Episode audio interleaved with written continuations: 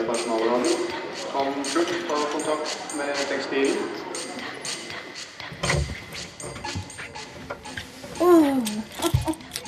Hjelp! Jeg får ta brillene mine av litt først, ja. Trykk på den røde knappen på.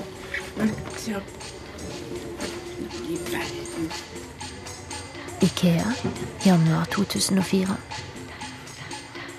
Er flere tusen mennesker. Par hånd i hånd. Gamle damer. Unge menn. Gravide. Nygifte. Nyskilte. Eneste ulempen med Ikea er at det alltid er så innmari kø i eh, kassene. Så det er helt umulig å få med seg eh, menn gjennom kassen på Ikea uten at ekteskapet sprekker. Hvis du tenker at du har forestillinger om ditt liv, så kan Ikea både fylle ut de forestillingene, de kan tilby liksom å fylle ut noe som passer med dine forestillinger, og hvis du ikke riktig er klar over hva forestillingene dine er, så kan de hjelpe deg også med det.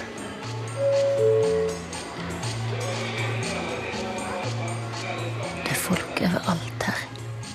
Vet du? Ikea-katalogen er blitt større enn Bibelen. 131 millioner eksemplar på 23 språk.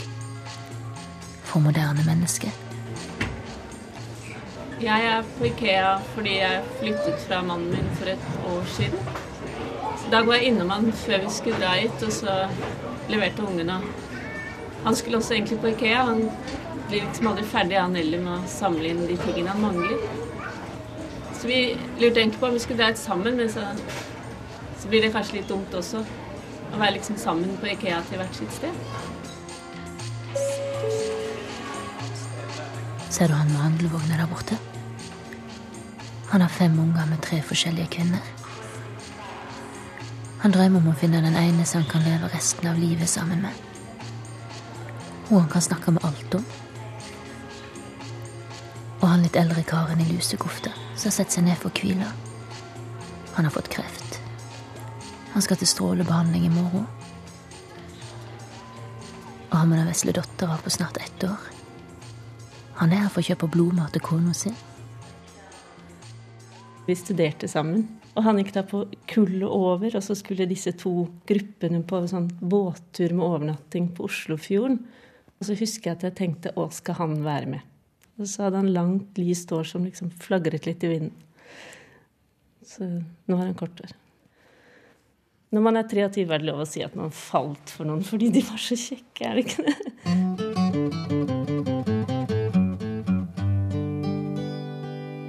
Minnena kommer så ofte til meg. Nu er alt borte, jeg fatter det ei. Ikea kom på et tidspunkt da folkhemmet vokste fram, og det var Ikea som møblerte folkhemmet, og så var det hennes Maurits som kledde på de som bodde der.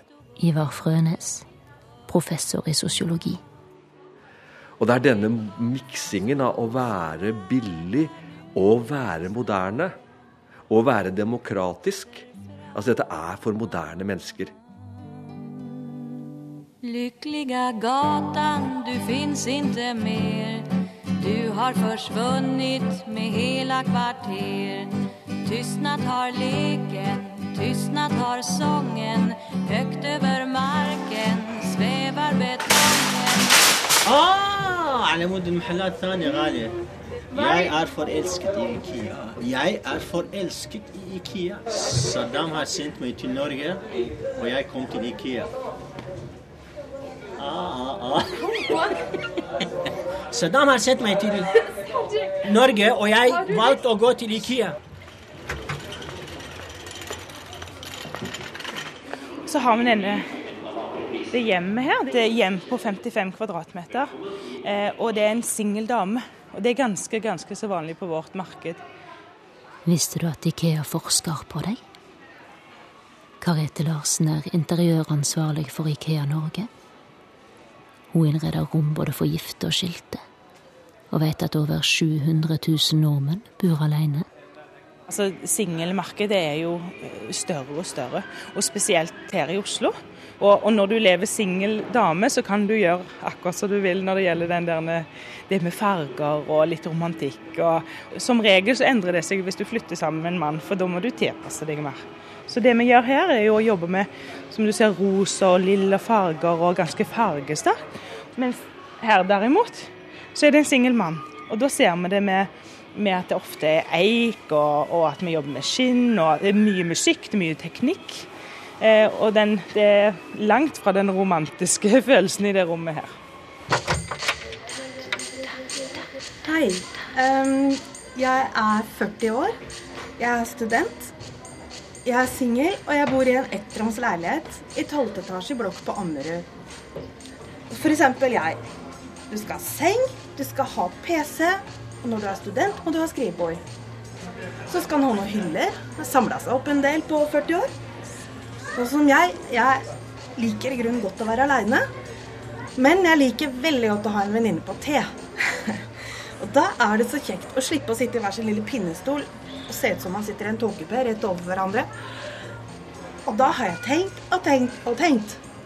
For i 2004 er det nemlig ikke så lett å bo ettroms singel og være 40. Så jeg må nå ha en bokhylle kombinert med en liten sofa. Og derfor er jeg på Ikea. ja. Hva med billig bokhylle? Et genialt og fleksibelt oppbevaringssystem som passer inn i og kan tilpasses enhver heim.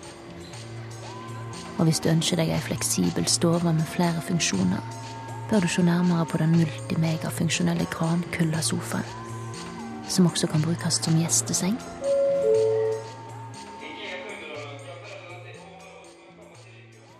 Vi bodde hver for oss. Vi bodde like ved hverandre. Eller han bodde i Bogstadveien, jeg bodde i Josefinegaten. Og det er jo sånn litt hyggelig, sånn urbant strøk i Oslo.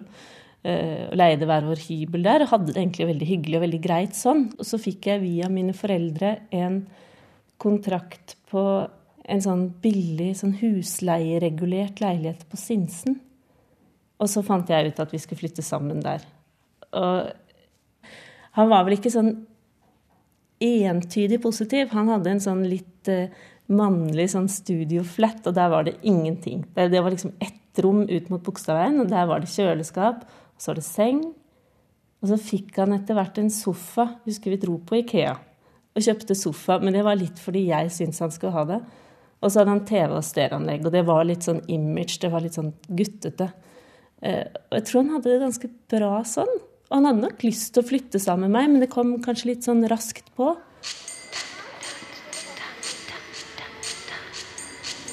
Jeg pusser opp leiligheten min, så jeg skal eh, Eller jeg pusser opp leiligheten til kjæresten min, faktisk. Så han er borte på Hemsedal-tur, så da tenkte jeg at nå skal jeg overraske og gjøre det litt freshere til han kommer hjem.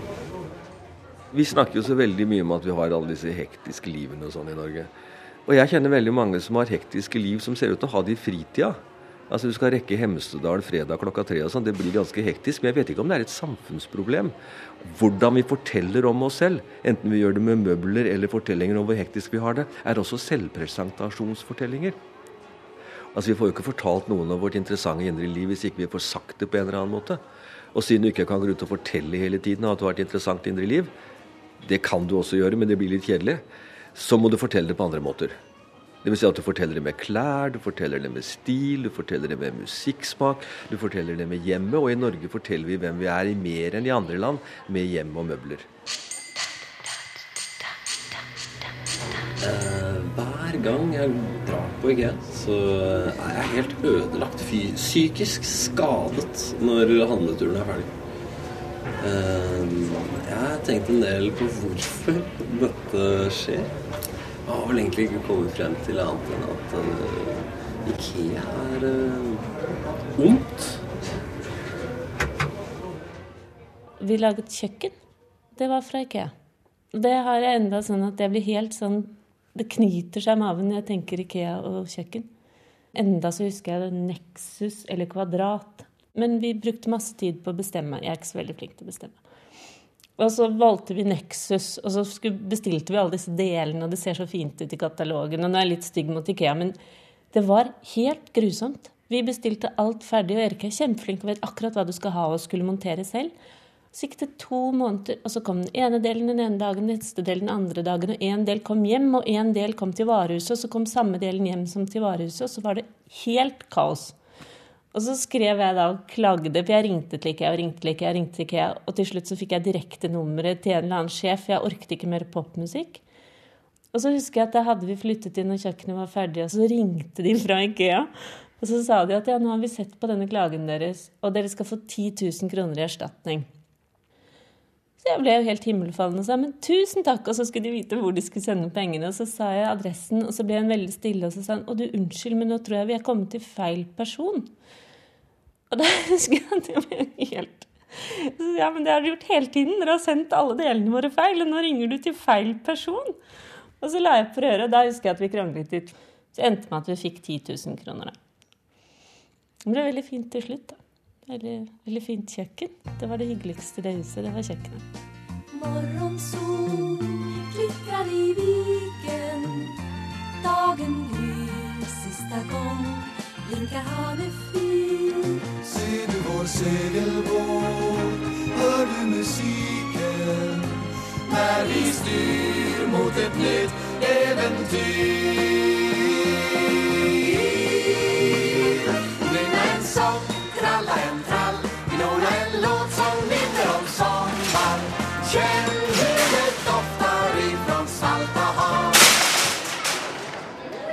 Vi inn i et, eh, et veldig, veldig stort drømmekjøkkenet. drømmekjøkken. eh, Urban eleganse eller et koselig kjøkken på landet? Vet du, nesten ingen i hele verden har så store kjøkken som nordmenn. Med plass til både familie og venner rundt bordet. Og her har vi, har vi valgt en internasjonal stil, da. Og, og her bor det to, to menn. Han ene har vi tenkt jobbe med mat og, og jobbe som kjøkkensjef og, og ha dette som sin, virkelig sin interesse, i tillegg til at han andre òg har det. da. Vi har gjort det til et drømmekjøkken i forhold til å ha to vasker, to ovner, to kjøleskap. Og det som er her, da er som en type launch-stil, som òg er veldig populært. Eh, Der du kan sosialisere på en litt annen måte, der du ligger litt i sofaen og du har ikke den typiske stivheten som vi har hatt tidligere. Mye mer avslappa. Så kommer det flat screen da, på, på veggen her òg, der det skal være lyd eh, i rommet her.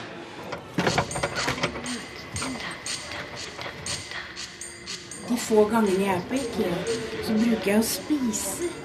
Og jeg syns det er veldig hyggelig å treffe noen mennesker. Og, og en gang jeg var her, da traff jeg faktisk to unge, kjekke karer med to barn.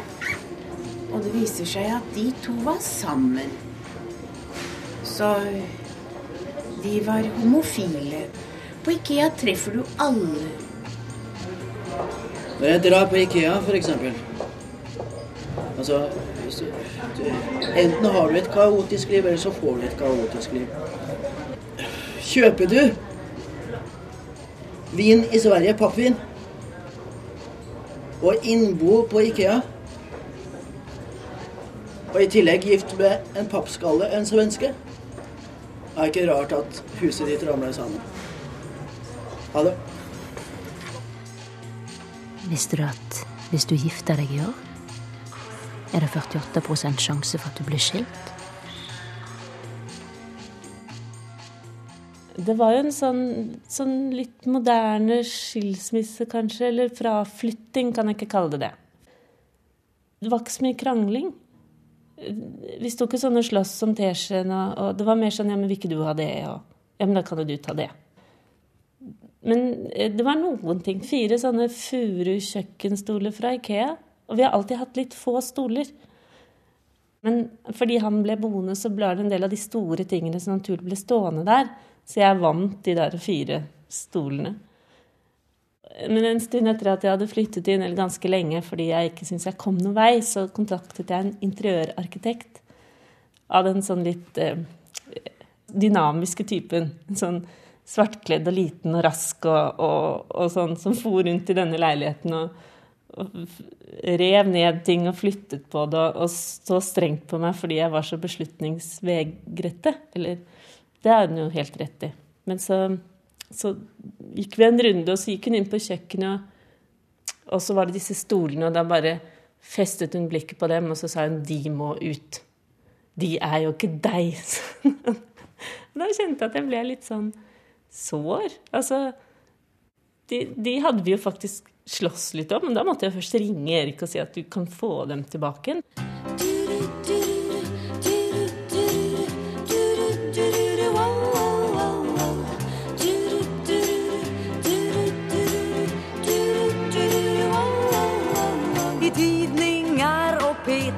P2 tutar folk från morgon till kväll Om du vill fixa framgång ska din stil vara rationell Att vara inne på det viset tycks ha blivit din refräng För du har börjat leva efter mottot slit och släng Vi gjør jo i stor grad omtrentlig det samme, i hvert fall sånn gruppevis. Samtidig som vi legger veldig vekt på at vi er unike. Altså Det er en del av vår kultur. Det er denne ideen om at vi er helt unike. Altså Barn lærer at de er unike. Alle pedagoger og psykologer vet at alle er unike. Vi er alle spesielle, og det som gjelder for Petter, gjelder ikke for Lars og alt dette her. Jeg har vært med på å intervjue folk da jeg var student, hvor du går liksom fra hus til hus, og alle har omtrent akkurat det samme inne, inne i huset. Og alle presenterer dette som et uttrykk for den helt personlige smak. Ja, jeg er her for å handle ting til leiligheten min, da. Jeg syns det er litt moro å kunne kjøpe ting til leiligheten og pynte opp og ordne litt forskjellig. Så Så jeg Før i tida, vet du, da, da bodde jeg ikke så mye i leilighet, for da var jeg lagt inn psykiatrien litt. Rann, så nå har det kommet seg veldig, og nå syns jeg det er koselig å kunne ha ting å pynte opp med og sånt noe. Og syns det er veldig ålreit å ha fått hjelp av psykiatrien med problemene og alt sammen. Så nå har alt lagt seg til rette, så nå er det bra. Så her sitter jeg på Ikea. Ha det bra.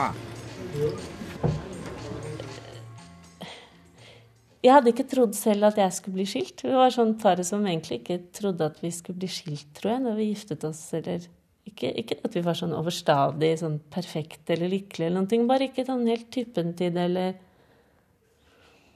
Så kanskje mer sånn litt overrasket. Litt sånn oi, sånn, sånn ble det. Og det er jo veldig trist, altså, men det er mest hvis jeg er mye sammen med sånne som har sånne veldig gode kjernefamilieliv. Så blir jeg trist av det. Men det ble jeg før òg. Det er nesten ingenting her som jeg hadde med meg, bortsett fra den kommoden og sengen. Og den stolen der og en som står i gangen. Men det er jo sånn som er fra mormoren min. Selv om interiørarkitekten så på de og sa at de må de jo trekke om. Og vet du hva, det der stoffet det koster nesten 1000 kroner meteren på Tannum. Og det har jeg faktisk gjort selv. Det er det eneste jeg har sydd noen gang. Men eh, jeg blir jo litt engstelig for at hun interiørarkitekten skal gjøre dette, for hun var virkelig kjempeflink. Og jeg har egentlig så dårlig samvittighet det at jeg har ikke fått kommet videre med det. Jeg har ikke så veldig sikker smak. Det er ikke min styrke, det der med, med design og ting og sånn. Og hvis jeg nå kjøper noe eller flytter noe, så tenker jeg med en gang hva vil hun synes? Eh, man vil jo helst være sånn som har en sånn indre styrke som ikke bryr seg om hva andre syns. Men jeg har nå enda en som jeg lurer på hva syns om hvordan jeg plasserer møblene, da. My TV makes me so bored, makes me say, oh my lord, what is this garbage here? Gonna come, I unplug my 18 socks, and that's now like...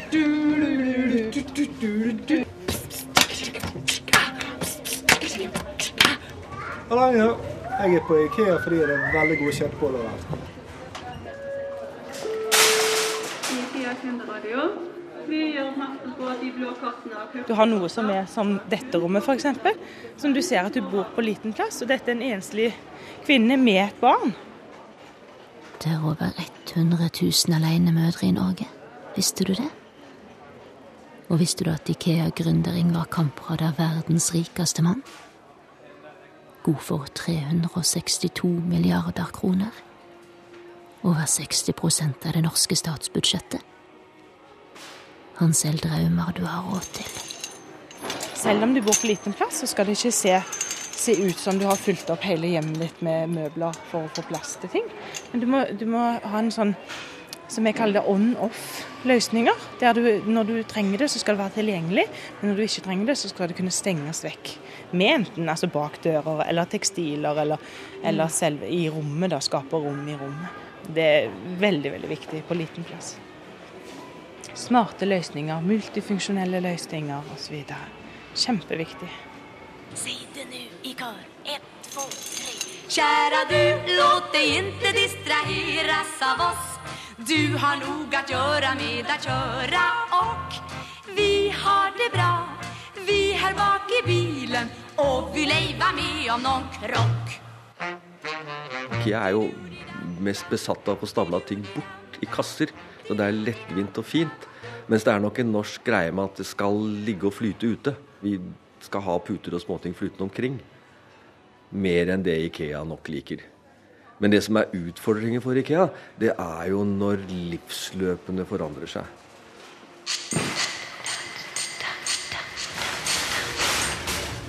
Jeg har lyst til å fortelle litt om julaften. For etter å ha vært gift i 36 år, så bare gikk jeg. Og da er det ikke så helt enkelt å feire jul, selv om du har en veldig kjekk sønn som heter Erik. Julaften vil jeg gjerne være i domkirken i katakombene. Og det ble det i år også. Der leser jeg juleevangeliet. Og tårene renner.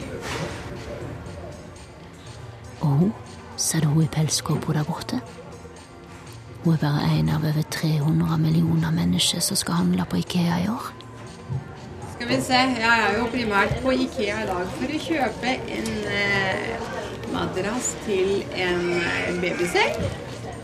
Så jeg har en datter da som eh, venter sitt eh, tredje barn nå hvilken dag som helst. Og jeg er også da veldig spent på om vi får eh, være med på dette, for akkurat den dagen så er planen at vi skal reise til eh, Marokko. Men det er jo ikke sikkert at vi kommer av gårde dit heller, for vi har en hund som er nyoperert, og som har pådratt seg en eh, akutt eh, skiveprolaps og urinveisinfeksjon. Og på toppen av det hele så har jeg en mann som har blitt syk, som har fått eh, skjoldbruskkjertelen ute av, av drift. Så derfor så, så jeg mitt snitt til å rømme til Ikea, kanskje også kjøpe noe jeg ikke trenger. Jeg husker at lillesøsteren min tok seg fri og sa skal ikke vi to dra på Ikea. Og det var veldig deilig. Det husker jeg godt. Og så har jeg vært der alene flere ganger etterpå, og det er litt annerledes. Hvis man er veldig sårbar, hvis man er nyskilta eller er akkurat flyttet ut, så er det jo fryktelig mange som må ut dit. Og de burde nesten hatt en egen avdeling, altså en slags sånn skjermet avdeling. For sånn warning, for der kommer jo også alle de veldig nyetablerte. Det, det er alltid masse gravide mennesker på Ikea. Eh, og masse sånn hånd i hånd og med, med mave. Så jeg, jeg unngikk egentlig å gå der helt alene, jeg, før kanskje da jeg ble dratt inn i den radioboksen. Og da var det jo like før jeg kom dit sammen med Erik. Men vi fant ut at det var jo litt for dumt å, å gå sånn med hver sin liste eller se på hver sine ting. Vi ville jo helt sikkert begynt å sagt at nei, jeg syns ikke du skal ha sånn, eller Jeg ville i hvert fall spurt han hva han syns om det møbelet eller det stereobenken, ikke minst.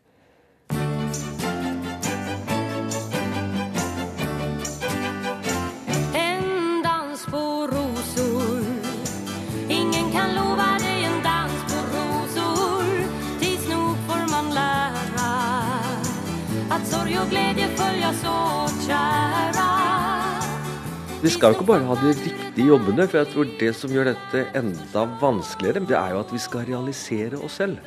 Og selvrealisering det er en ganske komplisert ting. For det betyr ikke at du bare skal lykkes, men du skal gjøre noe som er i overensstemmelse med ditt indre jeg. Og en av de store selvrealiseringsfortellingene har jo alltid vært fortellingen om bruddet. Du gjør noe, du er veldig vellykket. Du er veldig flink reklamedirektør eller overlege eller NRK-sjef eller et eller annet. Og så sier du plutselig at 'nå hopper jeg av'. Og så blir de intervjuet av magasinet Det gode liv når du bor på en liten øy et eller annet sted hvor du har bygd et lite hotell med bare plass til elleve, som er ganske eksklusivt. Og det har jo også Ikea og en del andre klart å få med seg, og kanskje Ikea mer enn de fleste. At eh, du kan sette sammen ting på en måte som skal være deg. Det skal ikke bare vise at du er flink eller rik eller et eller annet, men du viser at du tilhører en eller annen gruppe som på en måte har funnet en overensstemmelse mellom det indre og det ytre, og at dette er deg på et eller annet vis, i tillegg til at det er moderne. Det jeg egentlig har også lyst til å fortelle, er det at jeg går på judo, og jeg går på en skole som er så gøy kjedelig at det er i hvert fall en person som syns at eh, veldig kjedelige ting er morsomt, da. Hadde re- reagert veldig.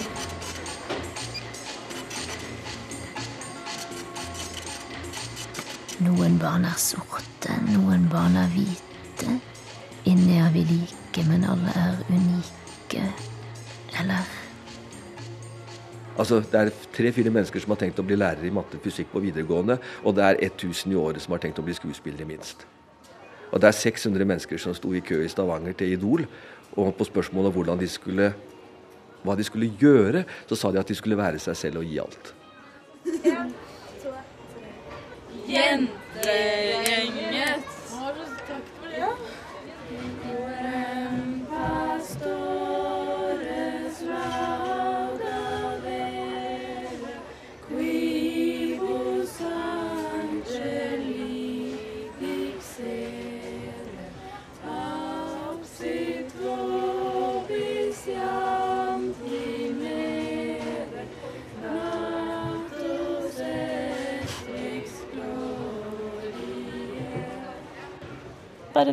Pen sånn blå potteskjuler som jeg kjøpte på en reise.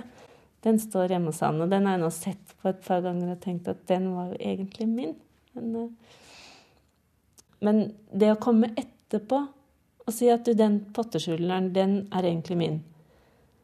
Det gjør jeg ikke, for jeg har gjort det et par ganger. Altså angret på ting. Og det har jeg skjønt at det kan jeg ikke. Eller det Altså, gjort er gjort. Men det, det, det er sånne små ting, sånn som det der fatet som står der borte, som vi kjøpte på en tur i Hellas, hvor vi egentlig hadde det veldig hyggelig. Jeg tenker at vi skulle reist mer. Vi skulle gjort mer sånn. Det var en sånn barnløs sydentur. Hvor vi gjorde sånne ting som vi syntes var hyggelig. Så skulle gjort det mer.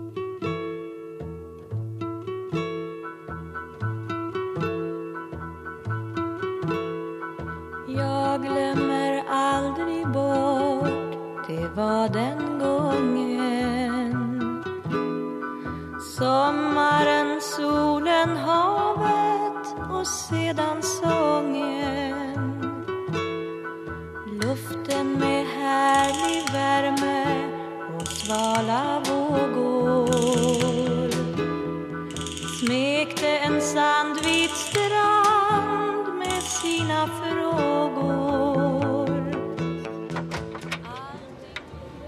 Vel, nå er det jo akkurat hunden min som opptar meg.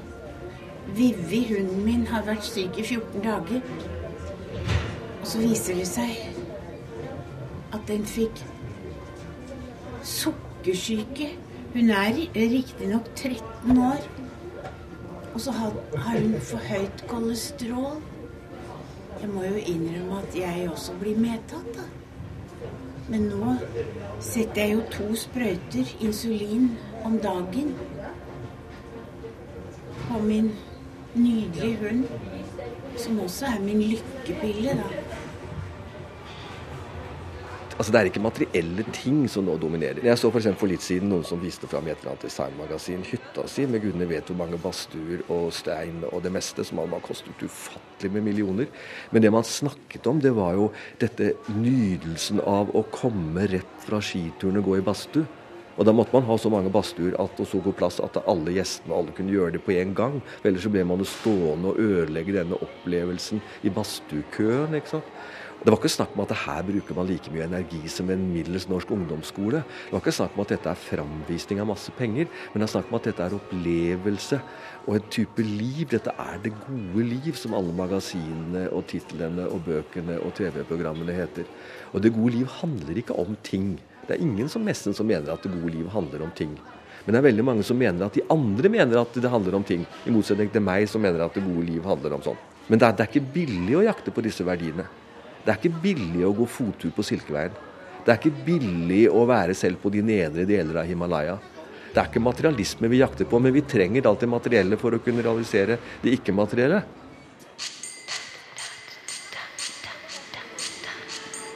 Det går tusenvis av folk rundt på Ikea. I Saudi-Arabia, i USA, i Kina. Ser du ham der borte? Han ønsker seg en kjæreste. Veldig. Åh, jeg vet egentlig ikke helt hvor jeg skal begynne.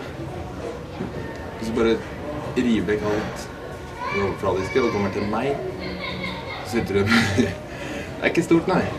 Ikke noe fritid. Ikke noe kjæreste. Og på mandag, i utgangspunktet, ikke noe sted å bo.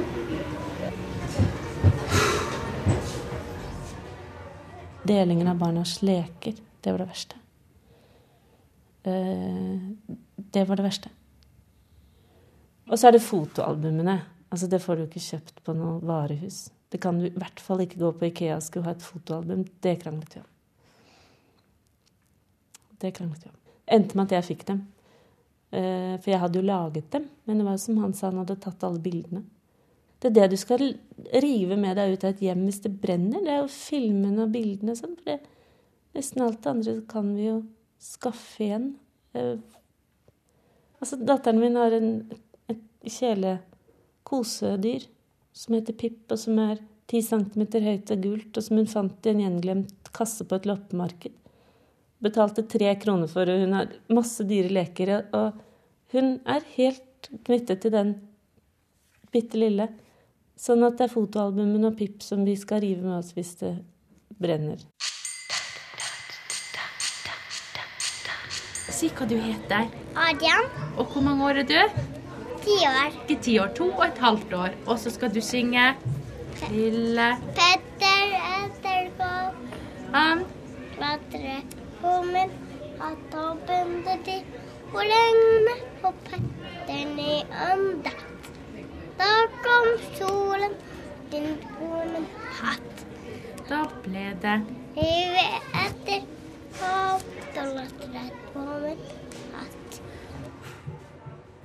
Jeg husker at vi flyttet alle tingene fra hans hus til mitt hus. Og Erik hjalp jo meg å kjøre. Altså, vi hadde flyttet så mye før. Så alle flyttekassene var liksom merket med sånne små tegninger fra alle våre flyttinger. Så dette, denne pakkingen av disse kassene som vi hadde gjort mange ganger før, det var nå plutselig bare min ting. Og så hjalp han meg å være akkurat som før, og kjørte bilen akkurat som før. Og inn og ut og opp alle trappene og Flytting pleier å være litt hyggelig. Altså, det pleier å være litt sånn dugnad, og så særlig da jeg var yngre, så fikk man jo gjerne sammenkalt litt venner og, og sånn, og hadde litt sånn flyttepils og pizza og sånn, men eh, det var litt vanskelig å skille det fra hverandre. Men sånn er jo en del ting i livet, at man gjør samme tingene på en helt Sånn utenfra sett så ser det helt likt ut. En del skilsmisseting er sånn. Utenfra sett ser det helt likt ut. Og for de som er inni, er det helt annerledes.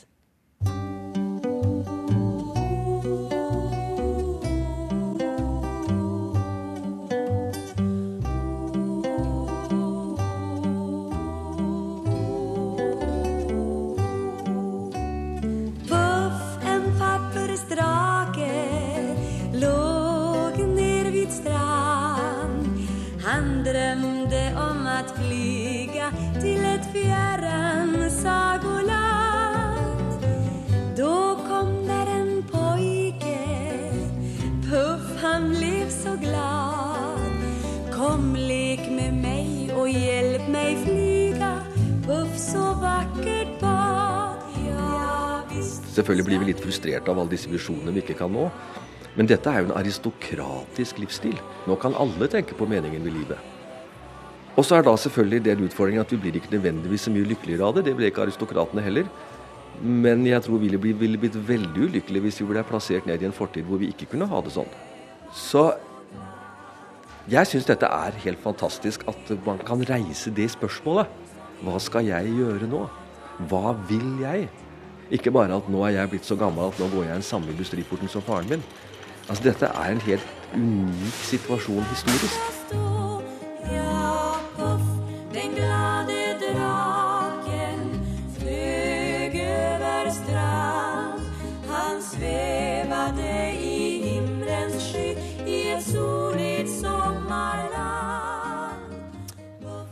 Jeg trives kanskje aller best med å ligge på denne sengen og se ut på trærne og på Holmenkollen og på lyset denne årstiden her, hvor det er så lyst ute.